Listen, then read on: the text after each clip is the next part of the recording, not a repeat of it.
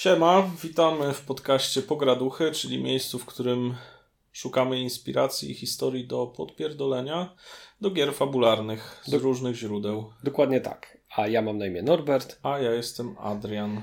No to co, zaczynamy? No pewnie. To może zacznijmy standardowo, czyli co właściwie u Ciebie, bo jakiś czas temu nagrywaliśmy pierwszy pilotażowy odcinek, to chyba było dwa albo trzy tygodnie nawet wcześniej. Tak, zobaczymy jak one będą się pojawiać. Nagrywamy to na razie wcześniej, żeby zobaczyć jak wygląda e, długość tworzenia.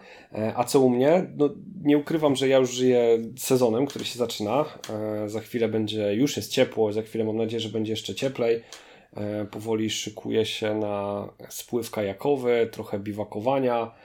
W tym roku chciałbym zacząć takie rzeczy. No i mam nadzieję, że w przyszłości uda się też wpleść do tego wszystkiego, całego tego obozowania i takiego bycia w dziczy trochę RPGów. No taki mamy plan, a może nawet podcast w dziczy, ale to zobaczymy. E, tak, no bo my właściwie też rozpoczynamy pewien sezon letnio-konwentowy dla nas. W sensie konwenty raczej w sezonie zimowym, może nie to, że omijamy, ale no, my korzystamy z takiego folkloru biwakowego w konwentach i też biwakowego w ogóle, więc e, przygotowujemy się do jakichś różnych spływów. Na razie oddzielnie, może w przyszłości też się uda razem. E, I w ogóle do nocowania w lesie. Więc jesteśmy teraz w szale kupowania różnych przedmiotów. Dokładnie tak. Nie tylko podręczników do RPG. Nie tylko podręczników do RPGów, dokładnie. No, ja początek też miałem taki po tamtym odcinku, po pierwszym, że miałem takiego kaca po, po graniu tunika i nie mogłem się zebrać, żeby wziąć się za cokolwiek. Chociaż z drugiej strony dało mi te toż, też to takiego drive'a do czytania dalej albo dowiadywania się o RPGach. I nie tylko o RPGach, ale w ogóle. E, o na przykład e, pisaniu scenariuszy. Stąd też kupiliśmy sobie książkę Uratuj Kotka, którą wyczaiłem właściwie w podcaście Rocky Borys. E, I drugi oj, gdzieś tam odcinek tego podcastu znowu naprowadził mnie na e, lead quest designera Cyberpunka. I to są też bardzo ciekawe rzeczy i bardzo ciekawe tematy. Zresztą, tak jak już wielokrotnie rozmawialiśmy, Cyberpunk 2077 może nie był zbyt udaną grą pod względem technicznym, ale jeśli chodzi o fabułę, to akurat wgniatał w fotel. Tak, dla mnie Cyberpunk był fenomenalną grą pod tym względem. Znaczy, ja poznaję gry po tym singlowe, jeżeli je kończę. Jakby mam taki problem z tym, że jeżeli gra no nie trafi w moje gusta, to mam dużo, duży problem z tym, żeby ją przechodzić. Cyberpunka absolutnie nie miałem takiego problemu, mimo faktycznie tych e, problemów technicznych. Za to ja z kolei po ostatnim odcinku jednak złapałem tą fazę właśnie, żeby szukać następnych rzeczy, odhaczać i, jakby bardziej to usystematyzować. No i wpadliśmy na następną grę, o której będziemy za chwilę e, jeszcze mówić. No to ja bym chciał wrócić do tych konwentów, o których powiedziałeś. No my nie jesteśmy w ogóle jakoś wyjątkowo konwentowi, pojawiamy się raczej rzadko. e, I Tak, i to jest jest to stuprocentowo nasza wina, bo Tak, po prostu tak. jesteśmy... e, Jak ktoś mówi, że jest introwertykiem, to dla nas jest introwertykiem amatorem, bo to po prostu on się na tym nie zna jeszcze i my jesteśmy ekspertami w tym, w sensie my bardzo lubimy ten fandom i w ogóle i świetnie, ale i to właśnie znaczy mniej więcej to, co robimy, czyli będziemy siedzieć w kącie i nigdy z nimi nie, nie wchodzić w interakcję. Ale będziemy ich To podziwiać. wcale nie znaczy, że ich nie lubimy. Nie, nie, wręcz przeciwnie. Po prostu tak mamy. No dobra, to o czym dzisiaj? Bo mówiłeś, że wpadliśmy na trop następnej gry. Tak. E, I tak jak Tunik był listem miłosnym do starych gier takich przygodowych, e, mówiliśmy i śmialiśmy się, że e, tak, zresztą tak, tak było chyba mówione, że to jest taka Zelda z liskiem. Tak, gra, którą dzisiaj bierzemy, czyli Chained Echo albo Echos, chyba Chained Echoes. tak. Echos, dokładnie tak. To z kolei jest list miłosny do japońskich RPGów, takich starych JRPGów, chociaż nie do końca nim jest. O tym też będziemy trochę mówić. I to jest druga gra, która o ile może nie zmiotła mnie z planszy tak bardzo jak Tunik pomysłem, wykonaniem i tą głębią, to była grą naprawdę dobrą. Oboje ją skończyliśmy i no ja od pewnego momentu tak poczułem, jak zostałem wsiąknięty. Znaczy, ona była moim zdaniem lepsza dużo fabularnie. No zresztą Tunik jakby nie miał być tak Mhm. dobrą historią samą w sobie, opowiadaną fabularnie.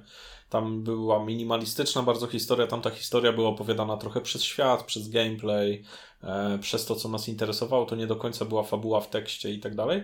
No to tutaj ten, to jest taki RPG z krwi i kości, w sensie tam fabuła jest właściwie e, w ścianach tekstu, ponieważ jeszcze no nie mamy tam voice actingu, mamy ściany tekstu mhm. po prostu, jak to klasycznie w JRPG-ach. Dla nas to jest trochę powrót do dzieciństwa, nie? No bo my Tunik jakby, dla wielu graczy Tunik był taką grą, która zresztą w swoich założeniach miała przeniesienie gracza do jego dzieciństwa, ale my w dzieciństwie w Zeldy nie graliśmy. Graliśmy w stosy, może nie w stosy, ale w dużą ilość JRPG-ów na szaraku, na tak. konsoli PlayStation 1. Tak, i ja odpalając e, i grając w Chain Echo miałem od razu dwa skojarzenia z dwoma e, tytułami, które jakby kojarzę właśnie z młodości. E, to jest Suikoden i Xenogears i później jak zacząłem czytać o samej grze, to okazało się, że faktycznie e, to też były inspiracje dla, dla osoby, która... Tak, podobno jeszcze Final Fantasy, tak do szóstej części, ale to też nas trochę ominęło. Za to Suikodeny, tak, Xenogersy, one zarówno e, no, pewne pomysły są tam zaciągnięte, jak zarządzanie bazą, powiedzmy, z Suikodena, e, jak i Xenogers, w sensie ten świat taki technologicznie przeplatający się, nazwijmy mhm. to, taki z robotami, ale też z mieczami i, i walką taką trochę średniowieczną, ale trochę też na robotach, e, jest znowu odpowiedni dla Xenogersa. No tak, i to mniej więcej jest to, co możecie się po tej grze spodziewać. To wszystko jest okraszone taką pixel artową, ale naprawdę fajną grafiką. E, tak jak już powiedziałeś, nie ma voice actingu, no raczej są to teksty, mm, czy to w książkach, czy, czy samych bohaterów. Muzyka, która jakoś tak przemknęła koło mnie, chyba nie zrobiła na mnie wyjątkowego wrażenia, ale taka dość charakterystyczna właśnie dla, e, dla japońskich RPGów. No tak, ale w sumie tak jakbym miał z, z końca mojej głowy sobie przypomnieć teraz muzykę z Suikodena poza na przykład openingiem, e, to też ciężko, ale jak później słyszysz tą muzykę gdzieś, no na Spotify'u może ciężko czasem znaleźć, ale słyszysz gdzieś tą muzykę z walk czy starć, to, to mniej więcej kojarzysz na przykład, że okej, okay, to jest Xenogersa, nie? albo to jest, nie wiem, z walki z bossem z jakiejś gry, nie? Za to o ciężko nie, tak mi, sobie teraz przypomnieć. Wydaje mi się, że Xenogears jakby może, może z racji trochę wieku i nostalgii to utkwił mi bardziej w pamięci. No ale Suikodena pamiętasz? Bo Xenogears był niezły dźwiękowo, ale z Suikodena jakichś mm. motywów muzycznych... Wydaje mi się, że główny motyw... No ale dobra, jakby, no w każdym razie tutaj... No chyba mniej nam to zagrało, nie? No dobra, e, tak jak bardzo dużej ilości grach tego typu e, i to chyba dość mocno różniło swego czasu japońskie RPG od tych europejskich, on nie jest oparty na żadnym systemie RPGowym. W sensie gotowym, tak jak tak. na przykład Baldur's Gate był na Dungeons and Dragons. Tak. Wiesz, to trochę też inne czasy były, no bo jeżeli my mówimy o JRPG-ach, to niektórzy rozumieją to, powiedzmy, ciężko porównywać na przykład JRPG z Baldur's Gate'em, nie? Bo JRPG to jest mniej więcej czas SNESa, nie?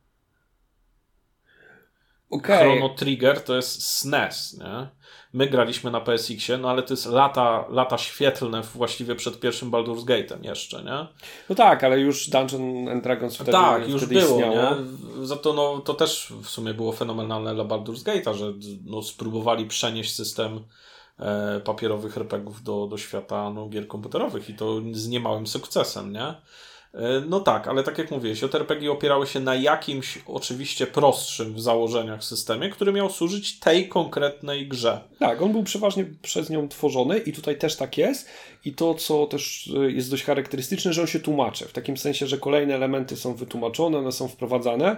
To nie jest tak, że siadasz do tworzenia postaci, dobrze by było, żebyś ten system już znał, bo jeżeli tutaj popełnisz błąd albo wybierzesz sobie klasę, to będziesz do końca jakby gry grał taką klasą, i może, to, no nie wiem, ja pamiętam właśnie w Baldurach i tego typu grach ten ekran wyboru, kiedy trzeba było się zastanowić, już rozdzielić statystyki. Tutaj jakby system jest wprowadzany. ale nie będziemy się super zagłębiać. No dobra, ale może powiedzmy o tym jeszcze jedną rzecz. No bo jest taka różnica między Baldurem, powiedzmy istotą głównego bohatera, nie? że w Baldurach i w zachodnich RPGach przeważnie ty tworzysz głównego bohatera, mhm. także trochę jego historię. W sensie tak. Tak, tak, jakby on jest trochę albo nie ma zbyt tej historii, albo coś tam wymyślasz. Tutaj dostajesz. No, w Baldurze akurat No w Baldurze ma, ale trochę narzucono. No i w JRPG jest trochę w ten sposób, że dostajesz jakiegoś bohatera, który już ma na przykład jakiś archetyp, niekoniecznie go tworzysz, nie? Tutaj dostajemy trochę bohaterów i oni od razu wiemy, że ten jest wojownikiem, ten jest czarodziejem. Oczywiście możemy ich rozwijać w pewnym mhm. spektrum e, i jakoś zmieniać ich właściwości, ale z góry na przykład no ten bohater posługuje się na przykład mieczem, tarczą, nie wiem, będzie wojownikiem jakiegoś rodzaju. Tak, nie? on ma już coś w rodzaju narzuconych klas i tu znów porównując, e, porównując do, do RPGów, e, różnego rodzaju też ma dostęp do określonych rodzajów broni, e, czyli może się posługiwać mieczami, a nie może się posługiwać na przykład magicznymi stafami, może się e, jakby posługiwać określonymi rodzajami pancerza e, i tak dalej, i tak dalej. Jasne, ten rozwój w obrębie tych umiejętności też jest dość ciekawy. Jest dość ciekawy, ponieważ nie ma tu poziomów. Znaczy, no jest pewna zmiana. Nie, nie ma klasycznego rozumienia ekspienia, z takich e, gier, gdzie musimy na przykład grindować expa do następnego mhm. poziomu i jeżeli nam coś brakuje, to zawsze możemy zabić sobie kilka mobów więcej dorać się do następnego poziomu. Tu jest trochę taki odpowiednik milestone'ów e, z Dungeons and Dragons na przykład, tak? tak? Czyli tego substytutu tego głównego, głównego e, tej głównej mechaniki właśnie expa. Był taki system przedstawiony w Dungeons and Dragons, że można wraz z historią dać po prostu wszystkim bohaterom graczy tak. poziom, kiedy nam pasuje to w historii, żeby oni lepiej żeby był bardziej wyżyłowany stopień trudności, żeby łatwiej nim było zarządzać może? Pewnie jedno i drugie. W grach komputerowych faktycznie jakby sprowadza się do tego, że nie można czegoś, no, brzydko mówiąc, przegrindować, ale też jest takie poczucie, że faktycznie zdobywamy tą potęgę wraz z kolejnymi kartami opowieści, że, że to jest jakby złączone. Tak, i tutaj trochę to czuć. W sensie, po pierwsze, łatwiej nam przez to trafić w miejsca, gdzie powinniśmy iść następnie, ponieważ no, bardzo nas biją gdzieś, gdzie nie powinno nas tak być. Jest. I troszkę ciężko nam jest obejść to, że nie powinno nas tam być. W sensie, nie da się przegrindować tydzień i nagle wejść gdzieś, gdzie nas nie tak. powinno być i radzimy sobie tam. Tak. No i też nie ma ja co... trochę ten system moim zdaniem wypatrzyłem przy okazji innego pobocznego systemu tych y, no, łańcuszków takich nagród. Mhm ale blokujecie i tak w tej grze jeszcze dostęp do wyposażenia, który no wtedy nie, tak. nie przerobisz. I tu nie, nie ma co to... ukrywać, ta gra jest liniowa. Jakby tam chyba tylko na początku pojawiają się pseudo wybory, ale później prowadzicie i ona jest opowieścią. Tu... Tak, ale czy to źle? Bo był taki moment, kiedy świat zachłysnął się akurat w, w grach, że otwarte światy, sandboxy i mam wrażenie, że świat trochę z tego zawraca, a JRPG zawsze były stawiały na dobrą historię, ale w jakichś zamkniętych ramach, no liniowe. Łatwiej mhm. było opowiadać w ten sposób historię chyba. Znaczy, ja mam takie moje własne preferencje, że jeżeli chodzi o gry komputerowe, to ja wiem, wiem, że pewnie tutaj włożę kij w mrowisko, ale ja lubię historie liniowe, jeżeli one są dobre, bo jeżeli chodzi o wolność, to chyba za mojego życia nigdy nie dostanę takiej wolności, która będzie na tyle pełna, żebym ja faktycznie mógł robić co chcę i mógł zmieniać tą los i zmieniać tą historię dokładnie jak chcę. Zawsze jest to skryptowane i dla mnie jest to w dalszym ciągu pewna iluzja i te wybory no, są albo lepsze, albo gorsze w grach komputerowych, więc jeżeli już siadam do gry komputerowej czy na konsolę, e, to jakby ja się super bawię liniową historią, wolność wyboru i wolność decydowania, no to są RPG i dla mnie te media są zupełnie pod tym względem różne i też różnych rzeczy szukam. No dobra, ja, ja się z tym nie tak nie zgodzę się w 100%. W sensie mieliśmy w historii gamingu takie gry, które trochę inaczej opowiadały historię, albo trochę inaczej pozwalały graczowi odczuwać historię. Na przykład e, takie gry jak, e, ok, mówimy, podam przykład multiplayer, ale akurat mówimy o singlach, ale na przykład mamy cały oddział gier typu Daisy, typu Red Dead Redemption Online, gdzie ludzie grają na serwerach roleplayowych, World of Warcraft roleplay, nie? I jakby sami trochę tworzą historię. Trochę ale, niezależną tak, od świata. Ale to jakby robią to trochę dla mnie poza grą, że gra jest tylko platformą. Okej, okay, okej, okay. ale to no to teraz przykład single player. Mamy na przykład Gotika, który akurat w Polsce się świetnie przyjął. I gra była drewniana, ta fabuła, ale ludzie się tam mega bawili przez to, co robili w grze i czasem przeżywali przygody po prostu w grze niekoniecznie związane z napisaną fabułą. Nie?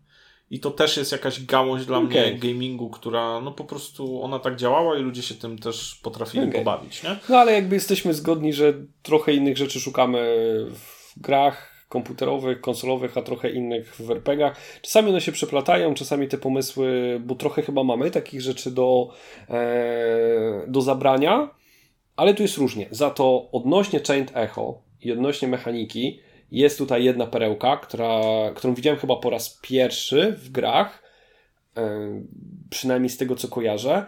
Jest mechanika polegająca w skrócie na tym, że każda umiejętność, której używasz, nabija ci pewien licznik. I jeśli ten licznik jest trzymany mniej więcej w połowie, to mamy z tego benefity, ale jeżeli go przekraczamy, to zaczynamy no, dostawać ciężkie baty. Znaczy, Chodzi, chodzi o to, że cała drużyna ma taki licznik, tak, który tak. wspólnie nabija swoimi umiejętnościami i ten licznik nieustannie idzie do przodu w pewien sposób.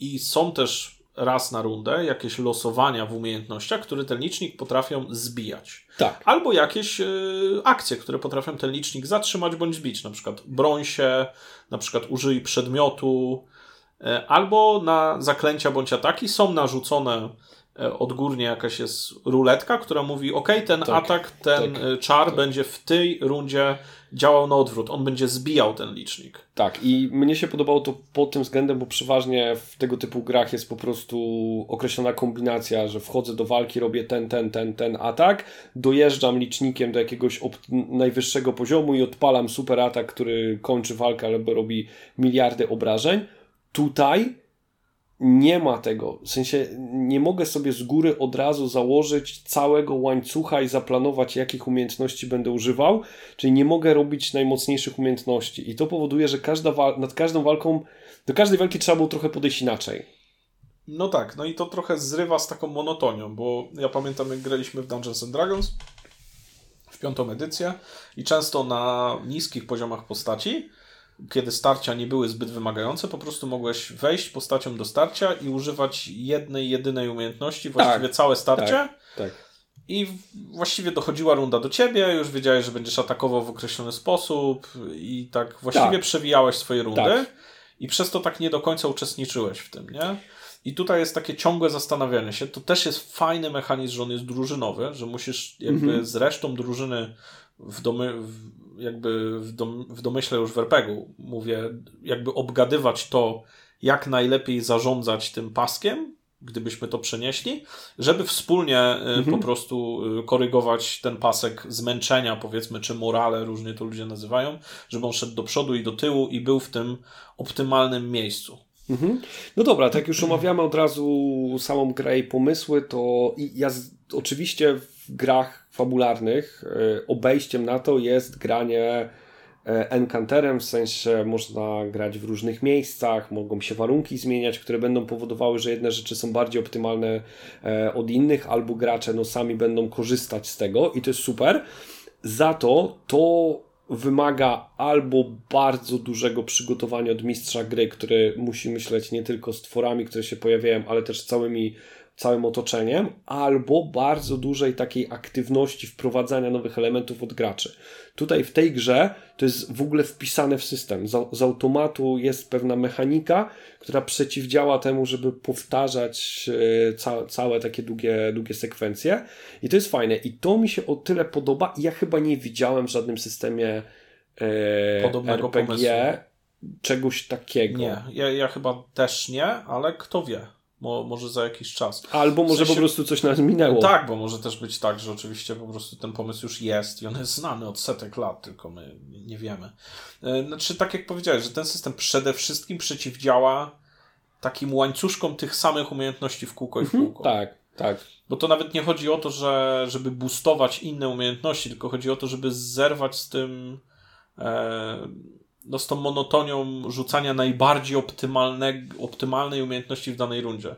Tak. I nie jest to zrzucone, jakby wydaje mi się, że to jest wpisane w system i tak jak powiedziałem, to nie jest tak, że mistrz gry musi wykonać dodatkową pracę, albo gracze muszą świetnie wprowadzać elementy, bądź trochę naginać, żeby, żeby, to, żeby to działało. Ok, więc jakby pierwszą taką rzeczą, którą ja sobie biorę do RPGów, to jest szukanie mechanizmów albo wprowadzanie w taki bardzo świadomy sposób, żeby zrywać z tą monotonią powtarzania pewnych ruchów, na przykład w walce. No dobra, ale jakby w ogóle się do tego zabrać? W sensie można by było podzielić w enkanterach nie wiem, rodzaje, rodzaje Twoich akcji na na przykład na, nie wiem, społeczne, magiczne, bo tutaj trochę tak było, że na przykład jeżeli, czar, jeżeli czary zbijały poziom, powiedzmy, zmęczenia, mhm. no to wszystkie czary zbijały poziom zmęczenia, nie? Mhm. Albo wszystkie ataki zbijały poziom zmęczenia, albo wszystkie buffy, albo wszystkie debuffy i tak dalej. On, te, te czary, znaczy w sensie te akcje w rundzie były podzielone na pewne kategorie. Były ataki, zaklęcia, buffy, mhm. debuffy, tak? Więc czegoś takiego szukamy w RPGach, żeby akcje były podzielone na przykład na społeczne, na. Yy, Wiesz co, często są, tylko jakby ten podział nie wnosi, nie wnosi jakby tych zmian.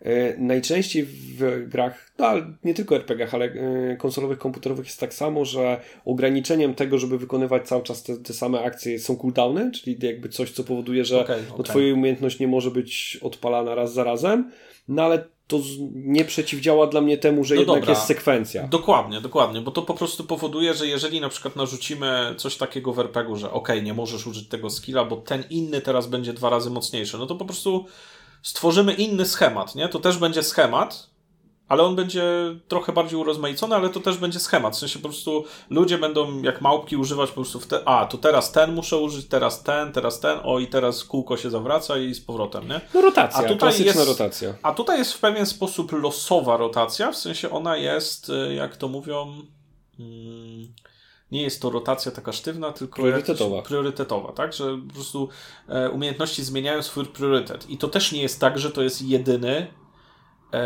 jedyna słuszna droga, bo ja często w tych walkach, na przykład czując, że przeciwnik już nie ma zbyt dużej ilości życia, olewałem ten licznik i dążyłem do jego na przykład jak najszybszego unicestwienia, albo musiałem się uleczyć, mimo że wiedziałem, że przegnę wtedy licznik, Wiesz albo co? coś innego zrobić. Na tą chwilę chyba ci nie powiem, bo albo przychodzi mi do głowy ogromna ilość house ruli do systemów, które już znam, ale ja jestem daleki od tego, żeby to robić, bo jakby nie czuję się specjalistą, żeby jakby zatrzymać ten balans, albo będę szukał takich rozwiązań już w gotowych systemach, albo co nakłada oczywiście większą pracę dla mnie, bo ja najczęściej mistrzuję, mm, projektował encantery, jakby wydarzenia, całe zdarzenia pod tym kątem, żeby mm, zmienność powiedzmy otoczenia wpływała na pewne jakby moce czy umiejętności, które, które gracze sami, sami,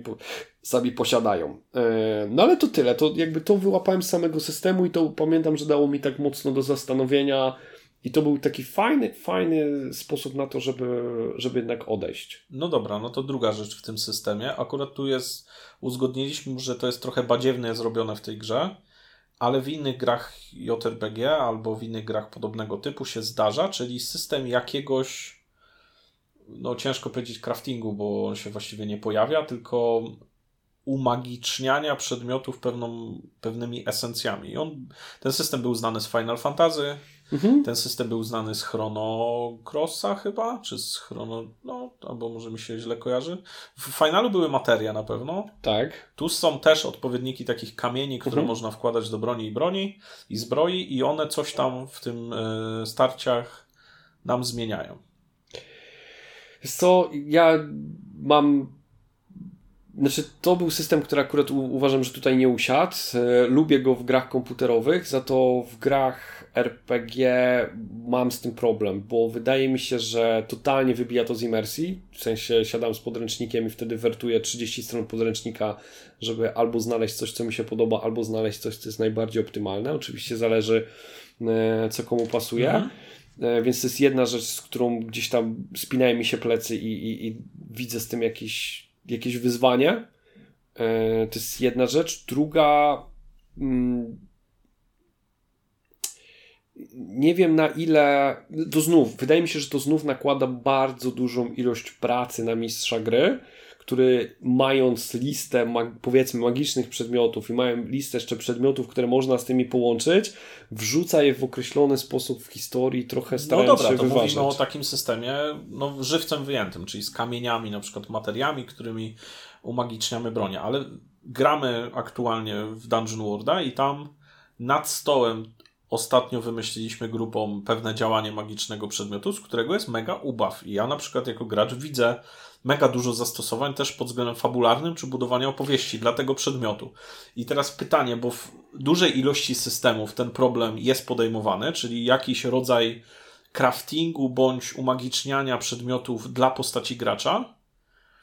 E, I teraz widać, że twórcy tych RPGów próbują się zmierzyć z tym problemem, nie? Tylko to, czy to wychodzi? Znaczy ja powiem tak, dla mnie system e, jakiegoś dostosowywania i czy to będzie dostosowania magicznych przedmiotów, czy będzie dostosowania umiejętności, zmian na przykład pewnych umiejętności, bo te w Dungeon Worldzie też mamy taką sytuację, że e, zmieniliśmy jeden, jeden z czarów. Dla mnie osobiście, jako osoby prowadzącej, zawsze zależy od stołu. I, I teraz możliwe, że powiem coś niepopularnego. Jeżeli stół, czyli moi gracze, mają z tyłu głowy chociaż cień power gamingu i oni chcą po prostu wyciągać, optymalizować, to w takim stole ja absolutnie unikam zmian czegokolwiek w systemie, ponieważ wiem, że moje doświadczenie nie pozwoli mi na wyważenie tego pewnie w taki sposób. Ale jeżeli mam stół, który nie ma takich takich skrętów i jakby robi to zupełnie z innych pobudek. I ja do tego stołu mam zaufanie, to uwielbiam dawać taką wolność zmian, dostosowywania. Za to to już jest kwestia dla mnie bardzo indywidualna i ja zawsze patrzę pod względem, względem stołu, na ile można wymyśleć magiczny przedmiot, można zmienić działanie zaklęcia, można stworzyć coś własnego, bo dla mnie to jest esencją RPGów. Za to jeśli gramy mechanicznie i jeśli jakby gracze chcą super wykorzystywać wszystko na maksa mechanicznie, no to ja nie dotykam house ruli. No nie, nie, nie, bo ten no ktoś wymyślił ten system i wierzymy, że on go chociaż pierwotnie zbalansował w jakiś sposób. Znaczy na pewno ilość prób była większa niż to, kiedy ja do no, niego tak, tak, tak. Kiedy my wymyślamy House Rule, to ten system się staje bardzo podatny na wykolejenie. Na wykolejenie nie? Ludzie zresztą potrafią wykoleić, nie wiem, Dungeons and Dragons, które jest dosyć mocno mechaniczne i teoretycznie by się wydawało, że jest zbalansowane, a tu niespodzianka. Nie? Ja, wydaje mi się, że nie da się tak stuprocentowo balansować. Pewnie tak samo, nie, ale tak... to rozmawialiśmy o tym wielokrotnie, że na przykład masz gry komputerowe, do których wychodzą cały czas patche, powiedzmy, które balansują. W grach RPG trochę jest to ciężkie do zrobienia. Wychodzą eraty, no ale to one wychodzą raz albo dwa razy i bardziej naprawiają literówki niż błędy tak, balansowe. Nie? Tak, tak. Ale to może kiedyś poruszymy ten temat, bo ja na przykład widzę przyszłość RPG-ów w momencie, kiedy one się wreszcie bo ja uważam, że to jest nieuniknione, okay. kiedy właśnie będzie rozgałęzienie na takie RPG, które gra się przy stole, a takie, które gra się po sieci. I wydaje mi się, że jeżeli to będzie ten RPG grany po sieci, to ilość informacji, która też może być przerabiana przez firmę, będzie powodować, że te będą wychodzić pacze. Ja to widzę w ten sposób. No tak, no bo teraz, no zresztą będziemy mieli okazję teraz to obserwować, no bo Wizards of the Coast wypuszcza następną wersję DDK, tam się dużo gówna na nich wylało za z innych powodów trochę. Z innych powodów, Dobra. zasłużenie, niezasłużenie, nieistotne, ale jakby skutkiem ubocznym tego możemy oglądać coś, o czym właśnie mówimy, czyli te RPG się e, rozgałęzią w pewien mhm. sposób na papierowe i internetowe, komputerowe. Takie grane przy stole, grane po sieci. No. Tak, tak. Zresztą już wcześniej trochę D&D Beyond to robiło, ale ono było kompanionem do istniejącego już systemu. I teraz jestem ciekawy, czy na przykład rozwijanie tego systemu już w wersji cyfrowej nie spowoduje właśnie to, że on będzie mógł być balansowany na bieżąco. Na bieżąco, no bo nie masz podręcznika, gdzie teraz nakład wydrukowania następnego tam, nie wiem, eraty byłby ho, tylko po prostu zmieniasz linijki kodu i, i nagle wszyscy wchodzą na, nie wiem, tam czytają patch notesy jak w grach komputerowych i się tak, okazuje, myślę, że... Myślę, że tak może być. Że ci pozmieniali, nie? Myślę, że tak może być. No ale dobra, ja myślę, że to jest fajny temat i myślę sobie go jeszcze kiedyś ruszymy, bo, bo też dużo o tym rozmawiamy i, i trochę Jasne, widzimy. to wróćmy do, do tematu. Dobra, ja bym chciał teraz wrócić do tego, bo powiedzieliśmy, że to jest JRPG, ale nie do końca, bo tam jest kilka takich rzeczy, które, których ja chyba albo nie pamiętam, albo może nie spotkałem w, takich, w takiej skali, a które jednak bardziej mi się kojarzą z takimi europejskimi grami, ale tu już mówię odnośnie fabuły. My postaramy się nie spoilować, chociaż chyba to będzie trudne. Nie, no myślę, że od tego momentu to już jest takie... Już spoiler. E... Czy jesteśmy w stanie jeszcze coś ominąć? No możemy jeszcze trochę ogólnikowo powiedzieć. W ogóle jaka jest fabuła na przykład na, na początku. E... No właśnie, bo o tym co mówisz to są, chodzi o to, że po pierwsze są zwroty akcji. I to takie grube. Jest podział na akty pewne.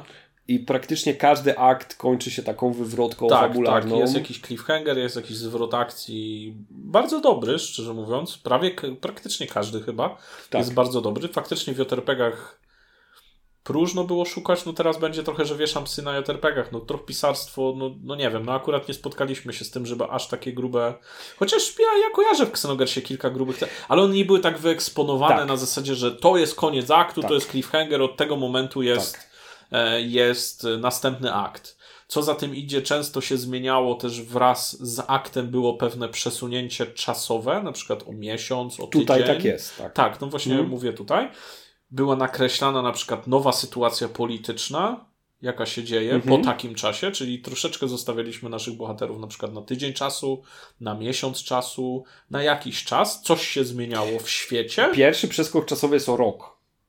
No właśnie, właśnie. Tam jest jeszcze chyba w drugim albo trzecim akcie też jest taki przeskok czasowy. I to też jest super rozwiązanie pokazujące jak nasze czyny wpływają na szeroko rozumiane otoczenie, bo tak jak powiedziałeś, zmienia się sytuacja polityczna, e, bo tam wątek polityczny jest naprawdę no, dość, dość gruby. E, my jako potęga w pewien sposób rośniemy, czy, czy nasza grupa zaczynamy być rozpoznawalni. My przez ten czas poza antenowy trochę używamy do pewnych szukania pewnych informacji, jakby odkrywania kolejnych, kolejnych wątków i to tak, takie przeskoki są, są super i, i ja je wykorzystuję też w kampanii. Jakby bardzo lubię, ponieważ e, w wielu systemach taka ciągłość akcji jest dla mnie nienaturalna. E, wiąże się to z tym, że też postacie rosną w potęgę, ale też wtedy ciężej jest pokazać właśnie to, jak bardzo świat się zmienia dzięki im czynom. Nie tylko świat, jak dla mnie, bo nawet ten rozwój emocjonalny bohatera mhm. też moim zdaniem musi mieć musi... jakiś czas, żeby rozkwitnąć. Tak. E, czasami to jest mniej czasu, czasami więcej, ale możemy porozmawiać sobie z naszym mistrzem gry czy z grupą i żeby uwydatnić na przykład jakieś następne losy naszej drużyny, warto by było przenieść się o miesiąc do przodu. Tam, gdzie trochę będzie, będzie co opowiadać pod względem ciekawości akcji, mhm. na przykład, no nie wiem, e, tworzymy jakąś drużynę najemników czy coś, ileś już jesteśmy na rynku i to zlecenie, które dostaniemy dwa lata od tego momentu będzie dopiero ciekawe. Do tej pory na przykład zdobywaliśmy renomę, e, coś się działo, ale tego nie musimy ogrywać możemy to sobie opowiedzieć w formie może jakichś skróconych e, opowieści, jakichś e, takich scen już wydarzonych, jakichś retrospekcji, a możemy rozegrać na przykład coś, co się dzieje po miesiącu, po roku, po dziesięciu latach. E, takim mocnym na przykład przeskokiem Będziemy o tym pewnie mówić e, przy okazji może następnego odcinka, no ale na przykład w The Last of Us mamy przeskok o kilkadziesiąt lat do przodu mhm, i tak. to wszystko jest zrobione, żeby nabudować pewne, tak. jakby główny, powiedzmy głównego bohatera i jego przemianę emocjonalną w pewien sposób też. Więc, więc takie przemiany zarówno światowe, jakby w formie świata, jak i bohaterów czasem, mhm. no mają po prostu więcej sensu, niż jak zrobimy to z dnia na dzień i będziemy udawać, że wszystko mhm. jest to naturalne, nie? E, no dobra, to co mamy? Wątek, e, może, może jakiś wątek polityczny jeszcze bez spoilerów. Mamy chyba. Akcja dzieje się na jakimś, powiedzmy, kontynencie, znaczy takiej większej wyspie, małym kontynencie, powiedzmy. Tak, i to cała akcja dzieje się, co też jest dość. Ale jest powiedziane, że tych kontynentów jest więcej. Tak. A, bo żeby nie było, ten, jakby historia z tej gry jest naszym zdaniem generalnie gotową fabułą do poprowadzenia niezłej kampanii w Dedeku. Ale liniowej. No albo w jakimś tam RPG-u. E, mówię o, mówimy o Dedeku dlatego, że ten świat bardzo nam się kojarzy z Eberonem. Mm, tak, tak, tak. Zresztą dla, dla mnie na przykład to był taki duży system, który jest stworzony do kampanii, więc, tak. więc może dlatego. E, z tym, że no, trzeba jasno powiedzieć, że no, był hist- znaczy światotworzenie jest super w tej grze. E, historia jest naprawdę dobra, no jest liniowa. No i... Znaczy, no wiadomo, że trzeba by było to, te wątki przemyśleć mhm. pod względem innego medium, nie? Że jakby mamy medium tak. w postaci gier komputerowych, a w postaci RPGów i trzeba będzie coś pozmieniać. Ale światotworzenie, państwa, jakieś wątki polityczne, frakcje, właściwie możemy czerpać garściami tak. z tego tytułu. I teraz to, co fajne jest w tej fabule, bo już trochę zaczęliśmy, to ona ma warstwy. Jak ogry i cebula. I tunik. E, I tunik. E, pierwsza, e, o której już powiedzieliśmy, jest warstwa polityczna, która tak, na jednym kontynencie mamy. Trzy królestwa chyba, które, które się... toczą od długiego czasu ze sobą wojnę. Długie, długiego slash 150 lat. 150 lat, no. Chyba tak. I... I nagle mamy pokój, taki trochę taki słomiany. Taki słomiany tak, i, i to też jest w ogóle wątek Zeberonu. E, dlaczego ten, ci, którzy wiedzą, bo nie chcemy spoilować, ale ci, którzy trochę znają jest bardzo podobny początek, jest bardzo, no. bardzo podobny jakby sposób zakończenia wojny. Ale to jest tylko jeden, jakby jedna warstwa. No dobra, mamy fajną frakcję w postaci na przykład kościoła, który po prostu sobie e, szerzy swoją wiarę i dogaduje się politycznie też, żeby na przykład gdzieś e, wysyłać swoich kaznodziejów i tam poszerzać, nie wiem, wiarę w Kościół jakiś, tak? Ale robią bardzo dużo pozytywnych rzeczy dla, dla ludzi. Tak, w sensie tak, tak, tak, tak. Pomagają ludziom. Tak. Odbudowują krainę.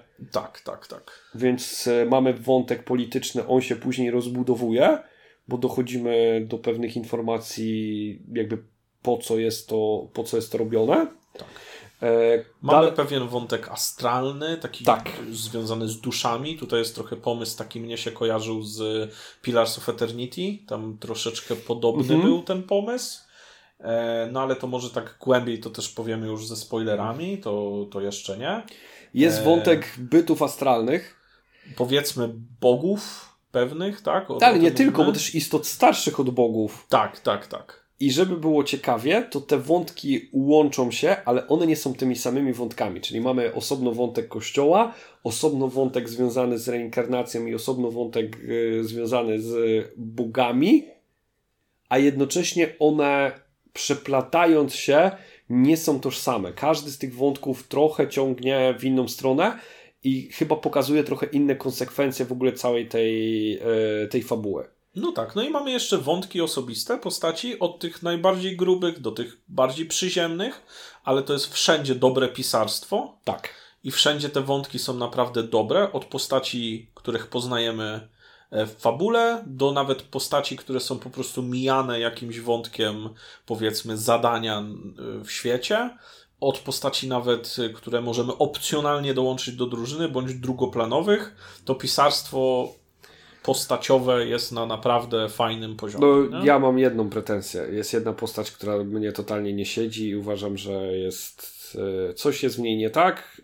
E, znaczy, dla mnie po prostu nie przychodzi żadnej zmiany i przemiany. No dobra, to obsmarujemy ją już to ze spoilerami. Więc jeżeli Was zachęciliśmy do tej pory, to warto sięgnąć po Chain Echoes. My akurat graliśmy na Xboxie znowu ponieważ mamy to w Game Passie za darmożka, to jest uczciwa cena, no, w cenie abonamentu. W cenie abonamentu, w sensie. nie ma za darmożkę. Tak, a, ale to się ukazało jeszcze na PC-tach, chyba na Switchu. Tak, bo to jest w ogóle całkiem nowa gra, on, znaczy dla nas nowa, bo to jest e, końcówka 2000... rok. Tak. Ko- I to jest końcówka. Linda, pan Matias Linda sobie wypuścił coś takiego i to jest 22 rok chyba. Właściwie końcówka jego. wydaje mi się, że grudzień. No i to jest kolejna gra zaraz po Tuniku, gdzie o ile tutaj studio było trochę większe, ale tak naprawdę mamy jeden mózg za tym stojącym i ta spójność, To w indykach tak często jest, nie? Że to jest jakiś ojciec po prostu, bądź matka, bądź ktoś tam, e, kto po prostu ma jakąś wizję tego, nie? I jakby próbuje. Zresztą on coś takiego powiedział, że robił już dużo gier w RPG Makerze, tam no, taką na modłę Final Fantasy starego albo Chrono Triggera. Oczywiście one były takie malutkie, po czym powiedział, że no jednak nie były takie malutkie i nigdy żadnej nie skończył. Nie? No ale okay. to właśnie, no, no, to jest trochę taki temat rzeka w ogóle z game devu, ale chyba z RPGami też, nie? Że wydaje ci się, że to będzie taki mały projekt, który będziesz robił w niedzielę po południu. Okazuje się, że to rośnie, nie? I tak. to karmisz i rośnie jak drożdże. I to pewnie w tym przypadku tak było. Cholera wie, kiedy, od kiedy on ten pomysł nosił. Możliwe, że tak samo jak Tunik na przykład tak naprawdę wychodziło to dziesiątki tak, lat. Nie? Może tak być. No dobra, ale to w takim razie zachęcamy do przejścia. Fabuła z dodatkami, powiedzmy, z pobocznymi aktywnościami zajmuje w granicach 40-50 godzin. Nam to mniej więcej mhm. w tym przedziale zajęło. I uważamy, że to jest czas, który jest dobrze spędzony. No jeżeli lubicie, e, jakby cenicie gry za fabułę, e, to, to tak. Znaczy, to znów trzeba powiedzieć, że to jest fabuła, która ocieka epickością. Tak, to są wątki takie. A, znaczy, można w niej się doszukać też bardzo, tak jak mówimy, fajnych wątków przyziemnych, no ale też takich, które po prostu niszczą światy i no właśnie, i to jest kolejna ciekawa rzecz, bo chyba już teraz będziemy przechodzić do takich e, rzeczy stricte, które, które możemy sobie wyciągać, bo powiedzieliśmy, że historia w całości jest do przełożenia na, na kampanię. Ja to tak e, też tak czuję. Za to to, co absolutnie też uważam, że jest do przełożenia na kampanię, to jest światotworzenie i w ogóle cały ten świat. Bo my mówimy o epickiej historii, która mówi o ratowaniu świata i cały czas poruszamy się w obrębie jednego kontynentu, a wiemy, że tych kontynentów jest pięć albo sześć z tego, co kojarzę, wcale nie największego. I w książkach dowiadujemy się, że w tym świecie, na innych kontynentach też dzieje się bardzo dużo, a my nawet tego nie dotykamy. No tak, ale to jest y, taka chyba Hmm, to jest taka częsta praktyka, nie? W RPGach, że na przykład robimy epicką kampanię, no i wydaje nam się, że opowiadamy losy świata, a później naszym graczom tak się spodobał ten świat i w ogóle i chcemy grać drugą kampanię w tym samym świecie, no ale właściwie żeśmy rozwalili ten świat i poskładali go na nowo. I jakoś tak dziwnie wychodzi, że to tak naprawdę był jeden kontynent i obok zaraz jest drugi, na którym się dzieją inne rzeczy wcześniej bądź później bądź nawet w tym samym czasie, to trochę wygląda tak sztucznie. Ja pamiętam, że jak grałem w Chain Dechots, to miałem takie, kurczę, no z jednej strony dzieją się tu takie rzeczy, które trochę definiują to, co się będzie działo na świecie, a inne kontynenty tak trochę tak są tam wspomniane po prostu. Tak, ale w tych książkach, bo przeważnie jest to w jakichś książkach albo pojedynczych zdaniach yy, jakichś tam bohaterów pobocznych, to na tych kontynentach no też słychać, że dzieje się, dzieje się sporo. I tak. tutaj dla mnie taka nauka jako mistrza gry to jest yy, to, że ta gra nie, jakby to powiedzieć, nie kończy wszystkich wątków. W takim sensie, że to nie jest tak, że to jest ten świat i wszystko, co tam zostało powiedziane, będzie na pewno eksplorowane i na pewno będzie do samego końca. Mało tego, ja miałem takie poczucie dosłownie na samym końcu gry, wchodząc do ostatniej lokalizacji, mówię, ty, to nie może być koniec, bo jeszcze przecież jest to, to i to. I okazuje się, że te wątki zostały. I teraz wszyscy się zastanawiają, czy one zostały na drugą część, czy one zostały na ewentualne dodatki, czy właśnie tak ma być, że cały czas się będziemy zastanawiać, dobra, ale co dalej? Bo ta historia owszem jest skończona, ale jest bardzo, bardzo dużo wątków, które zostały super pokazane, zostało tak jakby trochę jak zanęta rzucone, ale nie zostały zakończone. No tak i kurczę, cały czas mówię, no tak, nieważne.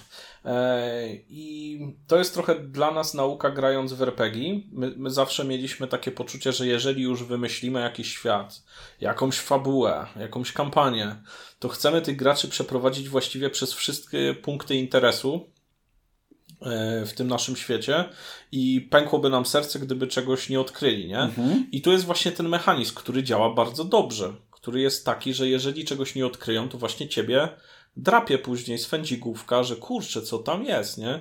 Jakby nie było to eksplorowane, albo dowiadujesz się gdzieś tylko z książki, że na innym kontynencie coś się działo, to nie jest w ogóle zeksplorowane.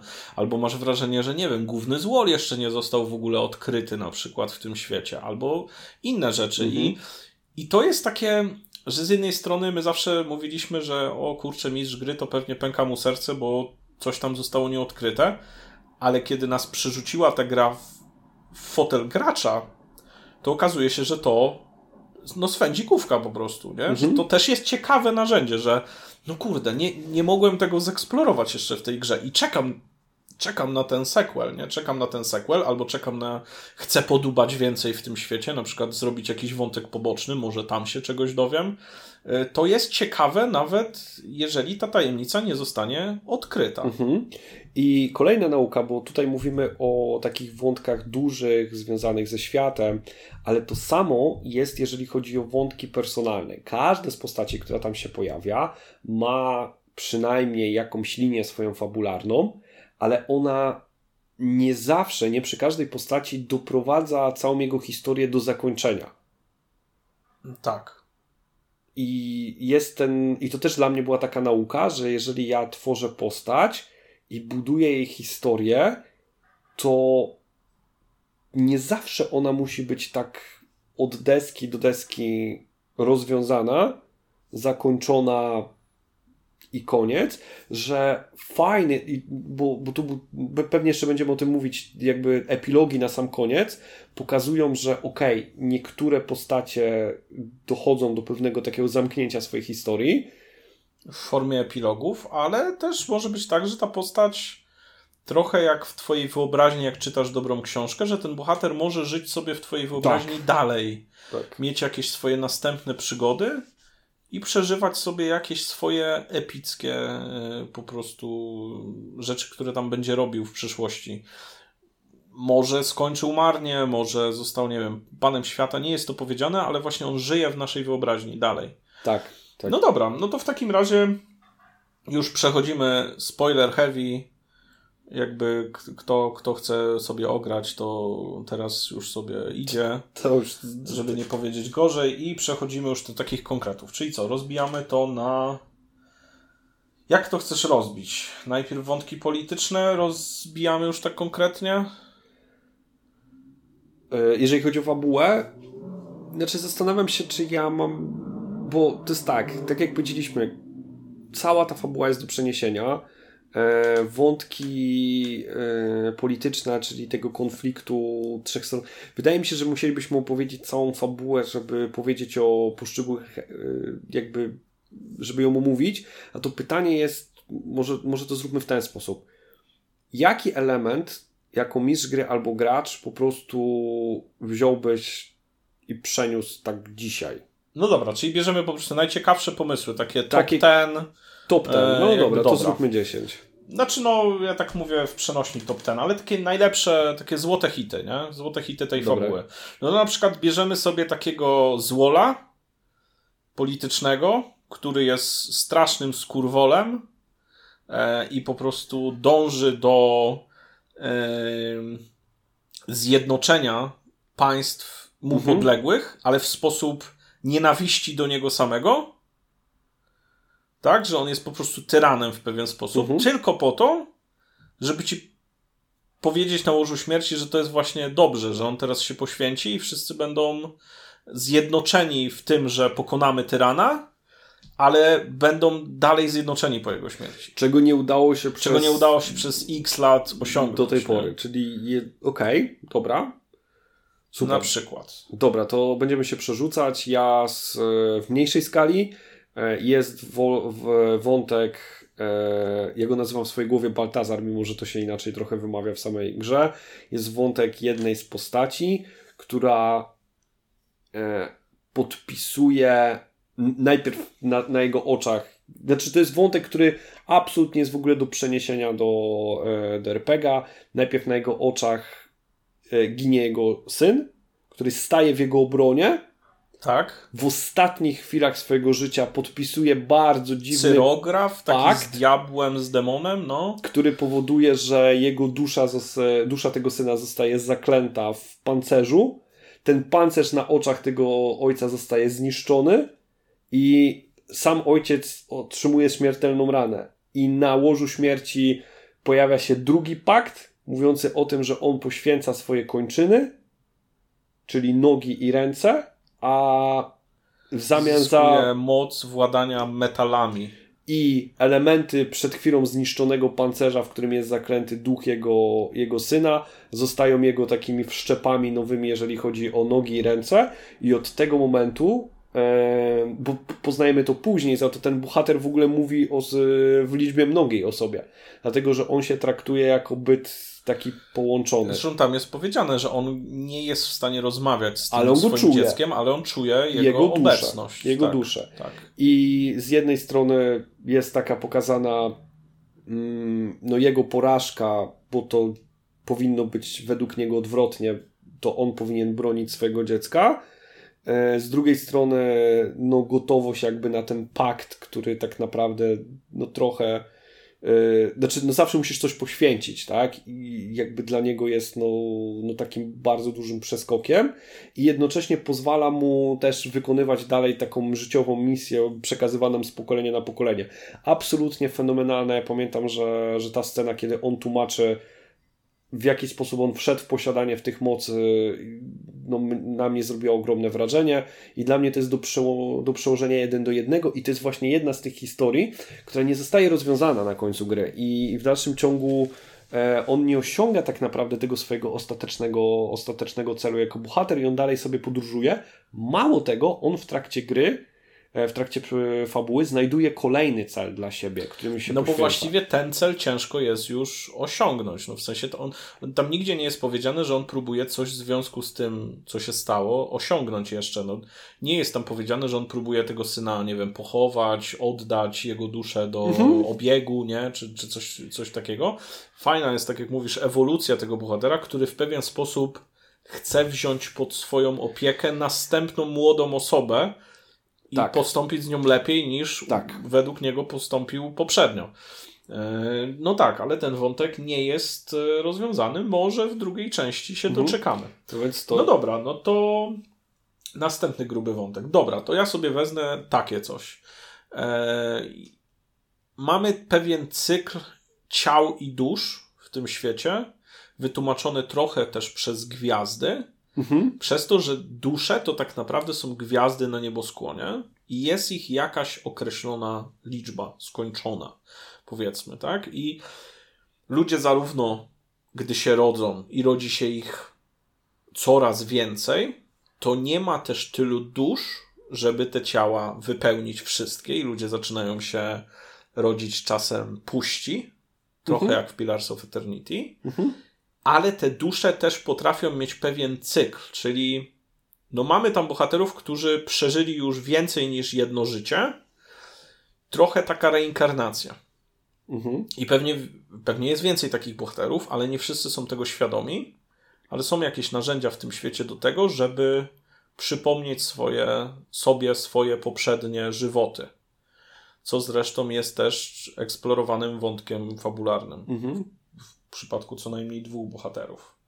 No dobra, no to ten cykl właśnie takiego życia i śmierci, powrotu do pewnego cyklu i odrodzenia się po jakimś czasie e, jest fajnym pomysłem, jest fajnym pomysłem e, fabularnym. I tego jak na tym ta e, tego jak na tym RPG ten wykorzystuje jakieś następne pomysły, czyli mamy bohaterów, którzy do tego cyklu wracają już ileś razy, ileś razy wracają też na powiedzmy ziemię, tak?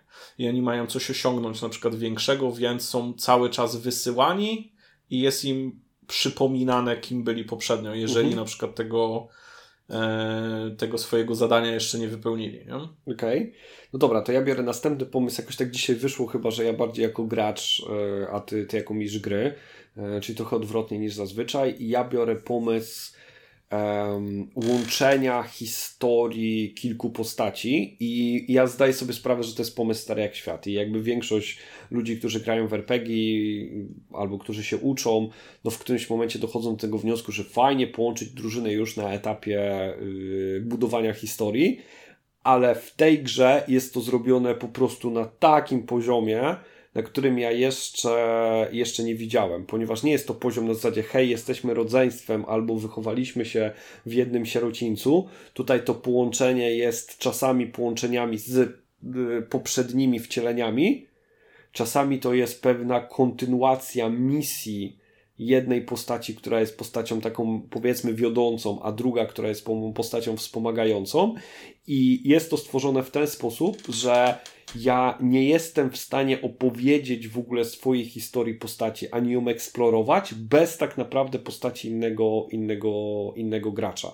I to mi się super podoba, bo ja czasami mam takie wrażenie, że z, siadając do stołu, każdy trochę ma swoją historię, one się dobra przeplatają i zazębiają, ale tak naprawdę trochę każdy gra swoje. Tutaj ten poziom połączenia jest tak ogromny i one są połączone albo parami, albo max trójkami, i jest tak po prostu przeraźliwie mocny już na poziomie budowania tych bohaterów, e, że, no tak jak mówię, nie da się opowiedzieć historii jednej bez drugiej. A jednocześnie jest zostawione coś takiego, że możemy jakby dokładać do tego powiedzmy drobniejsze jakieś takie połączenia z innymi postaciami. I, i to, to biorę, to, to mi się podoba. To połączenie już na samym początku tak bardzo mocne, żeby te historie tak naprawdę były wspólne Okej, okay. mnie się w tym pomyśle podoba jeszcze jedna rzecz. To, co powiedziałeś, że nie da się opowiedzieć swojej historii postaci bez odkrycia pewnego wątku postaci, mhm. z którą masz połączenie. I to powoduje, proszę Państwa, że nie tylko, bo często jest tak, że jak na przykład gramy przy stole, to, to graczy interesuje najbardziej ich historia postaci, mhm. którą chcą odkryć, i tu się nagle okazuje taki ząg, no bo nie do końca jesteśmy w stanie rozegrać swojej historii postaci bez tej wrodzonej ciekawości w, w inną postać. Bo musimy pewne rzeczy opowiedzieć o swojej postaci przez pryzmat historii kogoś innego. I mhm. dopiero wtedy mamy pełen wydźwięk, nie? I to jest, y, to jest dla mnie fajne, bo, bo właśnie często obserwuję coś takiego, że gracze. Ja, jak bynajmniej siedzę przy stole jako gracz, to moim zadaniem jest odkrycie trochę, takie szukanie ciekawych właśnie historii w innych postaciach. To jest to, czym się bawię i, i po to też zostawiam u siebie takie rzeczy w historii swojej postaci, żeby inni mieli ten fan z odkrywania czegoś o sobie. No bo to, że ja wymyślę sobie historię postaci, no to fajnie, ja się nią podbrandzlowałem, jak ją pisałem, nie? Pobawiłem się, jak ją pisałem, ale de facto ta postać już nie do końca mnie zaskakuje. Ona mnie zaskoczy, jeżeli przejdzie jakąś przemianę emocjonalną, o czym też powiemy, bo tutaj bohaterowie się często zmieniają. I to jest dla mnie taka zabawa gracza na sesji swoją postacią, czyli ona przechodzi jakąś przemianę podczas swoich przygód, i tym się bawmy, ok.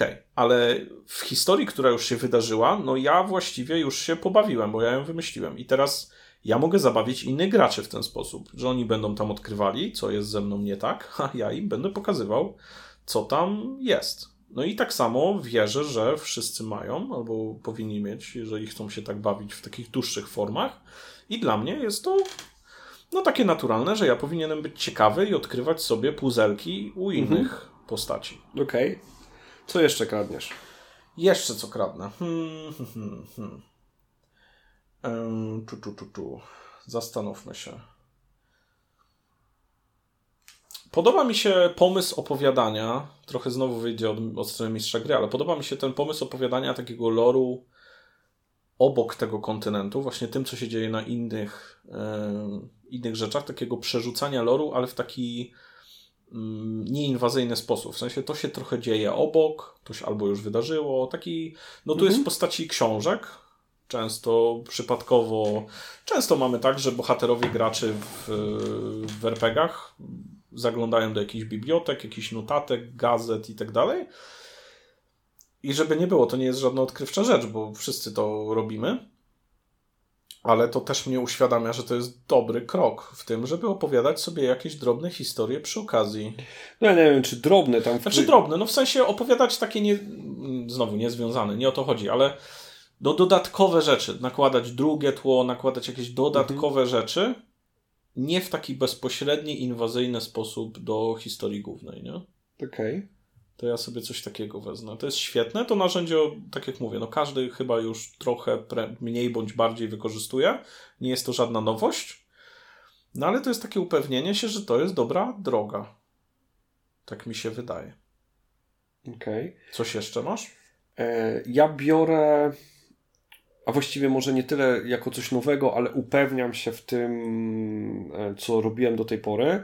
Czyli dla mnie kampania, czy ona będzie długa, czy będzie krótką kampanią, powinna mieć motyw przewodni w postaci pewnego, pewnego pytania, czy to albo jakiegoś filozoficznego stwierdzenia, wokół którego się kręci. I Chained Echo dla mnie takim pytaniem ma czy dobre i złe czyny znoszą się nawzajem, to jest jedno, i drugie, czy jesteśmy w stanie odkupić swoje winy. I tutaj już, no bo jest spoiler heavy, e, tutaj mówiliśmy o reinkarnacji, więc jakby czy czyny złe z poprzednich moich wcieleń jestem w stanie odkupić w następnych, albo czy moje rzeczy, które teraz robię, są w stanie e, no, zniwelować moje błędy, bo one się będą, błędy jakby się pojawiają, czy, czy specjalne z racji tego, że jestem złym człowiekiem, albo po prostu przypadkowe, bo tutaj też bohaterom to się, e, to się zdarza.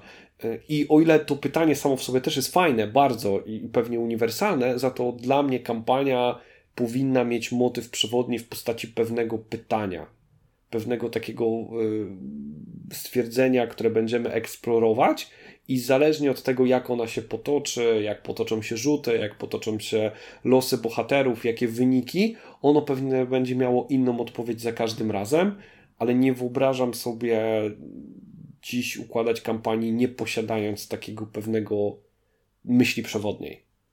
Okej. Okay.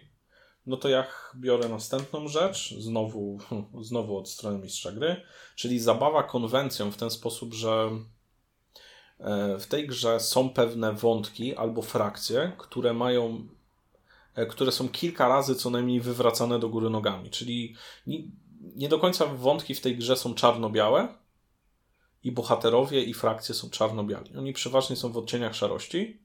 I trochę tak jesteśmy, jest taka zabawa z widzem, z graczem w ten sposób, że na przykład mamy e, no, frakcję kościoła, która E, no w dzisiejszych czasach pewnie wszyscy mówią, e, ble, kościół. Ale no z drugiej strony, na pierwszy rzut oka, oni faktycznie działają na rzecz ludności. No podnoszą, e, ta ludność, tej ludności żyje się lepiej. Żyje dłużej. Żyje dłużej. Rodzą się nowi obywatele, oni dążą do pokoju, dążą do ekspansji jakby kościoła. No i wszyscy mówią, kurczę, no chyba faktycznie jest tu takie trochę odwrócenie, że my mówimy kościół ble, a z drugiej strony, no oni chyba są jednak pozytywnym bohaterem tej opowieści. No i jeszcze jeden przewrót, bo się okazuje, że, że Kościół też ma ukryty motyw w tym, że coraz więcej ludzi się na świecie rodzi. A to powiem przy okazji innej frakcji, bo mamy z drugiej strony e, chyba, powiedzmy, takich bohaterów, e, którzy uwięzili kiedyś takie pradawne zło, chyba zło, e, gdzieś tam i ono nie może wyjść, bo oni trzymają po prostu to zło w więzieniu. No i trzymają to zło w więzieniu z właściwie stworzonym z ludzkich dusz. Tak. I teraz ci bogowie, bohaterowie raz na jakiś czas na świat spuszczają kataklizm i równają ten świat z ziemią. I mówimy, o kurde, oni są bardzo, bardzo niefajni. No bo równają cywilizację z Ziemią do tego stopnia, że tam historia zaczyna się.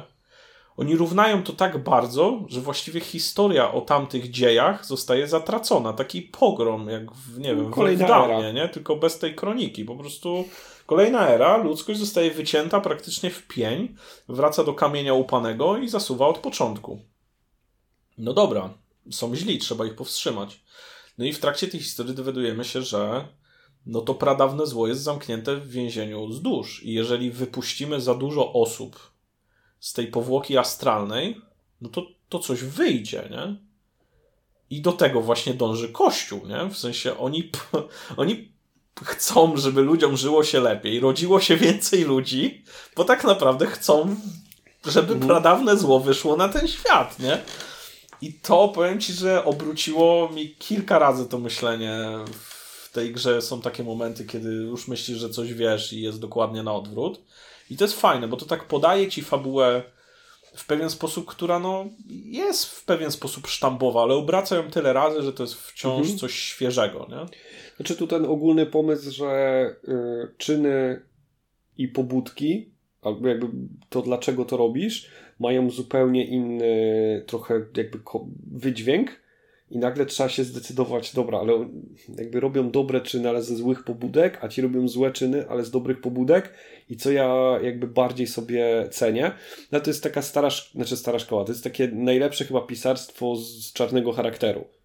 Czarny charakter musi być napisany w ten sposób, że jak zaczynasz się zastanawiać i trochę spojrzysz na świat jego oczyma, to mówisz... To sympatyzujesz. Ojej, trochę jest trochę w tym racji. racji. Tak, no. mamy Thanosa z Marvela, który... Tak, tak, tak, tak, tak, dokładnie. Tak, w, nas w naszej kampanii, którą obecnie gramy, mamy Nekromantę, powiedzmy, który przygotowując się na pewien kataklizm, który nadchodzi, szuka sposobu na to, żeby ludzie byli w stanie go przetrwać. No i takim sposobem jest zmienienie ludzi w pewien sposób w nieumarłych. Tak, ale przetrwają w ten sposób. Tak, tak. I nagle mówimy, ok, mamy nekromanta, który zmienia ludzi, wypuszcza plagę nekrom yy, i zmienia ludzi w nieumarłych i mówisz, ojej, to źle, ale on to robi dlatego, że jeżeli ten, jeżeli ten kataklizm nadejdzie, to właściwie tylko oni przeżyją w jakiś tam sposób. I nagle w jakiejś mówisz, formie, tak. Ojej. Zresztą grając w Chained Echoes masz takie wrażenie, ja przynajmniej miałem, że te decyzje już takiego kalibru są trochę takie ciężkie do oceny, w sensie, że jak już masz ten cały obrazek tej sytuacji, to właściwie tak jak mówisz, no trochę ustawiasz się na ich miejscu i już kurde, no nie wiadomo, czy to nie postąpiłbyś, znaczy w sensie po, chociażby to rozważasz, że można by było postąpić w ten sposób. Mhm.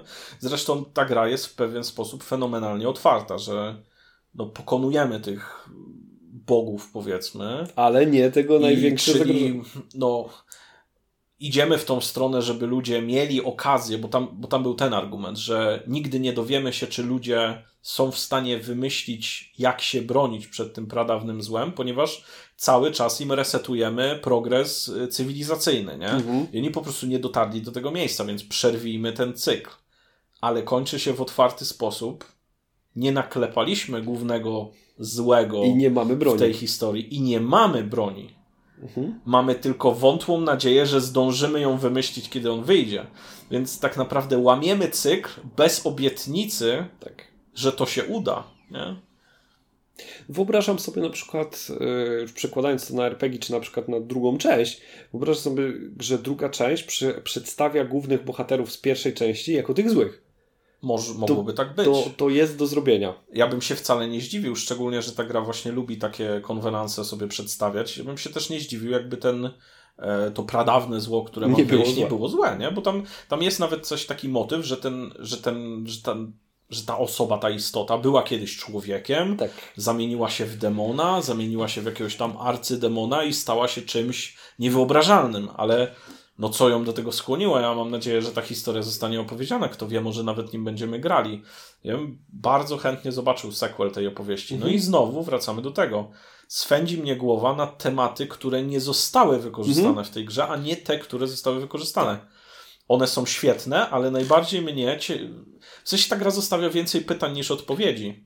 Tak, i to jest taka nauczka, którą na pewno ja będę wykorzystywał w aktualnie u nas trwającej kampanii, czyli będziemy ją kończyć w miejscu, które y, będzie zadawać kolejne pytania i nie będzie kończyć w... I nie rozwiąże wszystkich tak. rzeczy tak tak, tak, definityw, tak definitywnie. Tak, tak. No dobra, co jeszcze zabierasz? O, cholera. Ja nie wiem, czy mam coś jeszcze. Masz coś jeszcze? Tak, mam jeszcze jedną rzecz, które, która jest chyba zawsze bardziej twoja. Przynajmniej ty mi się zawsze z tym kojarzysz. E, ale to już ruszmy. No I znowu biorę coś od strony gracza, czyli epilogi. Czyli y, ostatnie sceny, już tak naprawdę po zakończeniu głównej fabuły, które stawiałem taką kropkę nad i. E, I to jest rzecz, która jest super potężnym narzędziem. Ja je coraz częściej wykorzystuję u siebie podczas prowadzenia, kiedy pytam się graczy i oni mają dowolność absolutnie w wykreowaniu sceny, która może się zdarzyć zaraz po tych wydarzeniach, może zdarzyć się trochę później, może zdarzyć się dużo później i opowiada pewien los, co dalej z nimi. I tutaj każdy z tych bohaterów e, w Chained Echo miał swój epilog. One mają zupełnie różny wydźwięk. Niektóre wręcz otwierają niektóre opowieści, niektóre domykają niektóre wątki, ale jakby są takim naprawdę no, mocnym, mocnym akcentem na sam koniec i takim bardzo, bardzo bym powiedział dopasowanym do postaci. No tak, bo mamy tam e, pewnego rodzaju odejście na emeryturę w postaci Wiktora, który już tam no po prostu mówi, że może wróci wreszcie do swojej posiadłości, tak? Czy tam tournée jakieś zrobi, coś takiego. No mhm. wraca do czegoś, czym zajmował się powiedzmy wcześniej, co w jego postaci ma taki wydźwięk emerytury po tym, tak, co się ile zdarzyło. po prostu czasu chciał wypełnić to, co, to, co udało mu się wypełnić. E Mamy ten otwarty wątek Baltazara, Bartraza, który no, mhm. wyrusza na następną przygodę, żeby zaopiekować się inną postacią, tak? Mamy. Co tam mamy? No, y, mamy księżniczkę, która przejmuje władzę i jakby zaczyna zarządzać e, całym nowym kontynentem. Całym tak kontynentem. Jakby, tak, już takim obaliła swojego tyranicznego brata i przejmuje jakby tron po nim i to ten kontynent jest zjednoczony pod jej władzą. Oczywiście to nie jest takie różowe, no ale będzie dążyć do tego, żeby, żeby ten kontynent był silny i ona ma to zadanie takie spadkobiercze wymyślenia trochę tej broni, jakby no jakby zdaje sobie z, zdaje sobie sprawę z zagrożenia, które ich czeka w przyszłości mhm. do, e, do stawienia mu czoła mamy bohatera takiego trochę antagonistę, który dostaje drugą, trzecią albo ósmą szansę wreszcie na odkupienie swoich, e, swoich win i on też wyrusza w pewną podróż. Jako taki trochę opiekun ludzkości teraz już, opiekun no i to jest, i to, to jest też kontynuacja tego pytania, które było wcześniej, na ile jakby, jeżeli dostaniemy drugą szansę, to czy możemy odkupić swoje e, winy i mimo jakby strasznych rzeczy, które robiliśmy w przeszłości, no jakby, jakby warto. No koniec końców, no epilogi super narzędzie. Tak, je, tak. Ono, no, no i ten epilog, epilog postaci, która też po długim, długim no questie, który nas na siebie nałożyła odkupienia pewnych win, wraca do takiej chęci wolności. Nie? I mhm. jakby trochę tak metaforycznie, może, może się pojawia, może nie. No, przepiękne. Epilogi, epilogi zawsze emocjonalnie na mnie wpływają. Zarówno w grze, jak i w RPGach, to chyba epilogi są takim moim, tak jak powiedziałeś, ulubionym narzędziem do grania, e, bo one są w stanie opowiedzieć historię tego świata bądź bohatera, zarówno trochę już niezmąconą tymi wydarzeniami, które mamy na, na sesjach, w innym świetle są w stanie postawić, mhm. bo możesz ten epilog opowiedzieć dowolnie daleko albo blisko, albo w zupełnie innej części świata. Na przykład, nie wiem, możesz znaleźć wycinek gazety. Ja mówiłem o y, no, tym takim, że zależnie od mojej decyzji na sesji, na przykład mógłbym opowiedzieć epilog, gdzie jakiś NPC, nie wiem, jest kimś znanym albo coś i te historie mają super wydźwięk. To jest dla mnie, to jest jedno z moich ulubionych narzędzi. Mam nadzieję, że dołożę więcej, ale na pewno nie kosztem tego, że z tego chcę zrezygnować, bo ono jest mega, mega, mega. Mhm. No i rzecz, która, y, i to też podpatrzyłem u Ciebie już bardziej podczas RPGów, ale to mi się też e, tutaj w tej grze pojawiło, że żeby epilog był dobry, to on musi być w pewien sposób nabudowywany w trakcie, w trakcie samej grania kampanii. E, my często mówimy o tym, że zbieramy naboje, przez całą kampanię sobie zbieramy naboje i, i nabijamy po to, żeby w którymś momencie po prostu wystrzelić, żeby to był taki naprawdę, e, naprawdę gruba akcja. I tutaj tak jest, że te poszczególne gdzieś tam wątki, teksty, budowanie relacji, ono jest przez całą grę zbierane i w tym ostatnim, ostatniej scenie jest po prostu taka wyciągnięta esencja i, i jest, jest naprawdę mocne uderzenie w niektórych tych epilogach. Tak, bo on ma, jeżeli ten epilog ma mieć siłę kopnięcia konia, no to on musi być nabudowywany wcześniej, czy to w relacji to w relacjach między bohaterami e, musimy cały czas gdzieś to zaznaczać. Mhm i najlepiej no, wtedy w jakiś nieoczywisty sposób to zakończyć, zawiązać w epilogu. Nie? No tak, tylko różni... I tutaj właśnie tak jest. Tak, tak? tylko różnica między grze, gry komputerowej a, yy, a RPG jest taka, że w grze komputerowej możemy sobie zacząć od epilogu i możemy w trakcie gry dobudowywać, a grając w RPG my musimy sobie po prostu zapamiętywać i spisywać rzeczy, które się zdarzyły i jak będzie ten moment, kiedy będziemy mieli możliwość zagrania epilogu, to wtedy, dopiero wtedy coś z tego stworzyć, co będzie miało sens i będzie miało odpowiednią dawkę. To chyba jest trudniejsze, ale z drugiej strony wtedy robi taki efekt wow na zasadzie hej, to wszystko do tego prowadziło. Tak, ja to porównuję trochę do takiej łamigłówki logicznej, mhm. gdzie mm, no szczególnie Państwu mogłoby się wydawać, że to jest ciężkie, no jakby na krótkich formach, czyli na jednostrzałach. I uwaga, jest to do zrobienia na jednostrzałach, bo tak. robiłem to wielokrotnie. Tak, je... chodzi o to, że zbieramy amunicję, trochę nie wiedząc, bo mamy tylko dostęp do swojej postaci, którą często gęsto dostajemy też, więc my musimy trochę najpierw odkryć, o czym jest historia mhm. na tym jednostrzale, odkryć, kim jest nasza postać wymyśleć sobie, w którym kierunku ona idzie i najlepiej jeszcze, jakbyśmy odkryli coś o innych postaciach, bo najsensowniej by było bawić się z innymi ludźmi przy stole, czyli ten epilog, żeby kogoś poskładał przy stole po prostu, najlepiej emocjonalnie, po prostu nie ma nic lepszego jak spłakanie osoby obok, nie? Więc y, to jest taka łamigłówka, że my musimy zrobić to właściwie w przeciągu tych 4-5 godzin, bardzo szybko się połapać, mhm. zdecydować na jakiś pomysł i po prostu drążyć w niego podpowiadać jakieś drobne rzeczy, które nam później nabudują. Ja często mam tak, że epilog wymyślam już w trakcie grania sesji. Ja go zapisuję na kartce. No tak. W jaki sposób rozegram koniec sesji. Ja często mam tak, że na przykład po półtorej godziny sesji ja mam zapisane, jak ona dla mojego bohatera się skończy. Oczywiście mam kilka pomysłów, bo nawet nie wiem, czy mój bohater przeżyje, nie? Jasnie. Ale mam kilka takich pomysłów, gdzie coś się dzieje i ja po prostu mam jakieś gotowe frazesy zapisane na kartce. Dobra, zrobię tak i tak dla tej postaci z kimś tam Jasne. i po prostu wtedy już sobie mogę dokładać te cegiełki, iść jakby w tym kierunku i epilog wtedy ma dla mnie naj, najsilniejszy, najsilniej bije po prostu. To jest taki kop w jaja. No. no dobra, czyli kończymy epilogiem. Czy mamy coś jeszcze do dodania? Yy, tu, tu, tu, tu. No pomysły do RPGów, no to chyba już wyczerpaliśmy. Co my tu mamy? Czy pewnie naszych, nie. Znaczy w sensie w naszym mniemaniu.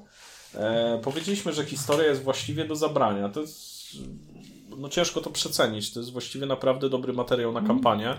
Bierzesz, przerabiasz po swojemu. To jest trochę jak gotowiec do, do DDK. W sensie gotowiec do DDK też powoduje, że ja muszę go wziąć i przerobić po swojemu. No to tutaj jest to samo, nie? Tylko, że no żeby nie podpaść ludziom, którzy piszą gotowce do DDK, mam wrażenie, że no dobra, podpadnę, no. Wolałbym poświęcić te 40 godzin grać w Chained Echoes niż, nie wiem, czytać jakąś gotową kampanię do DDK, bo poziom fabularny przedstawienia tu rzeczy jest 100 razy lepszy niż, okay. niż w jakimś tam gotowym Słuchajcie, świecie. zamykając w takim razie e, powoli tę dyskusję, jeżeli nie graliście, e, to polecamy. Jeżeli lubicie w ogóle tego typu gry, jeżeli szukacie inspiracji do nowej kampanii, to, to też zdecydowanie polecamy. E, jeżeli trochę na tą fabułą usiądziecie, to jest do przerobienia bardzo łatwo. Tak, ja to widzę do Eberonu, to prawie jeden do jednego za to myślę, że do, do innych settingów jak najbardziej, a jeżeli zagracie, to jesteście w stanie wyciągnąć też pojedyncze historie, pojedyncze rzeczy. Jeżeli chodzi o narzędzia, no to my widzimy wielowątkowość, widzimy te pytania, epilogi. No i epilogi, które zawsze według nas są dobrym pomysłem. Znaczy wiadomo, że to jest taka, no to jest taki czar tego epilogu polega na tym, że nie zawsze go będziesz robił, nie? W sensie, że nawet jak masz super zaklęcie, które działa na sesji i po prostu składa trzy czwarte stołu, po prostu są spłakani i pamiętają tą sesję z nie wiem, długo, długo, no to jak będziesz to robił zawsze, no tak. to, to jest powszednieje, ale to tak ze wszystkim jest, nie? Dlatego mówię, że narzędzi wolałbym sobie dołożyć więcej do repertuaru, żebym nie musiał bazować tylko na przykład na epilogach, ale nie dlatego, że chcę je zapomnieć, nie? No dobra, to teraz powiedzmy jeszcze, co następnym razem, no bo ten, ten wątek chyba mamy zamknięty, to gdzie jedziemy dalej? Dalej będziemy chcieli, e, pomysł jest taki, żeby ruszyć inne medium, żeby nie tylko wyciągać e, z gier komputerowych i konsolowych i będziemy brali serial i prawdopodobnie to będzie serial, który, e, o którym dużo osób mówi. Nie, I tak nie idziemy na tej fali pierwszeństwa, e, bo, bo chyba już, e, już dużo zostało wyczerpane i będzie to The Last of Us. No, nie odchodzimy Co od... prawda nie odchodzimy od gier komputerowych, bo Tak jest. The Last of Us najpierw oczywiście było w grą, do czego pewnie będziemy nawiązywać, bo kochamy tamte, tamtych aktorów. E, ale tak, no wyszedł ostatnio serial HBO i on jest, no, no co tu dużo mówić, no chyba jest najlepszą adaptacją gry komputerowej, jaka Tak. wyszła. Pewnie nie jest najlepszym serialem, ale adaptacją gry komputerowej jest, chyba nie widziałem nic lepszego, więc w tak w woli zapowiedzi Be... powiem tylko. Zaczniemy, zaczniemy grzebać też po filmach i serialach, ale nie tylko. I mamy gdzieś też z tyłu głowy rozpykanie sobie koncertu, opery, yy, rock opery, musicalu. No nie wiem. Ciężko Zobaczycie. powiedzieć, ale to, to też. No dobrze, czyli na dzisiaj wszystko i do usłyszenia. Do usłyszenia. Papa. Pa.